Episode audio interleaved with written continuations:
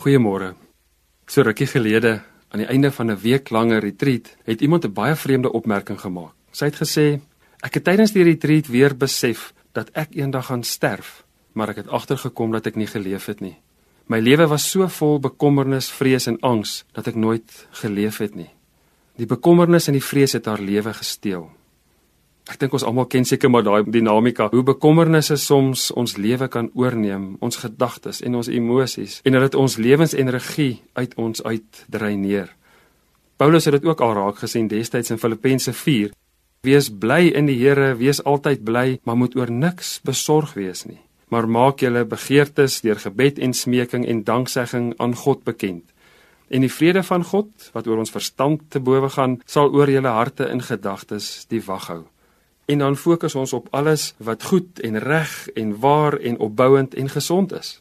Hierdie stroom van gedagtes wat soms in ons gedagtes ronddwaal soos wille perde en toomloos rondhardloop, bring regtig baie skade in ons menswees. Heeltyd is daar kritiek en kommentaar en vrese en bekommernisse, verbeeldingsvlugte en dinge wat soos wilde perde rondhardloop. Paulus nooi ons dat ons ons gedagtes ken en tem.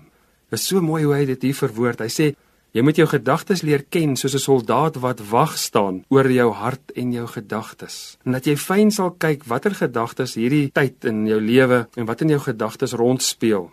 Daar's 'n antieke gelykenis van die twee pile wat vertel dat die eerste pyl van die lewe wat ons soms tref, kan ons niks aan doen nie. Dis 'n pyn of 'n slegte situasie. Maar die tweede gifpyl, dis die een wat on ons gedagtepatrone dan nagebeur, drogstories en bekommernisse en vrese Daai goed maak groot groot skade. Maar as jy dit eers begin raak sien, dan kan jy dit nadat jy leer ken het, kan jy dit leer tem. En die manier om dit te tem is amper soos om 'n boom wat al minder en minder energie en lewenssap aan die blare gee in die herfs, wat die blaar outomaties afval.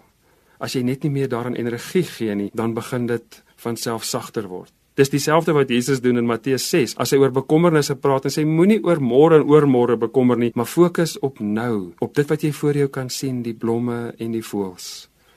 Die gedeelte sê ook Jesus help ons daarmee want ek is tot alles in staat deur Christus wat my krag gee en hy wys juis daarop oor ons gedagtes en fokus.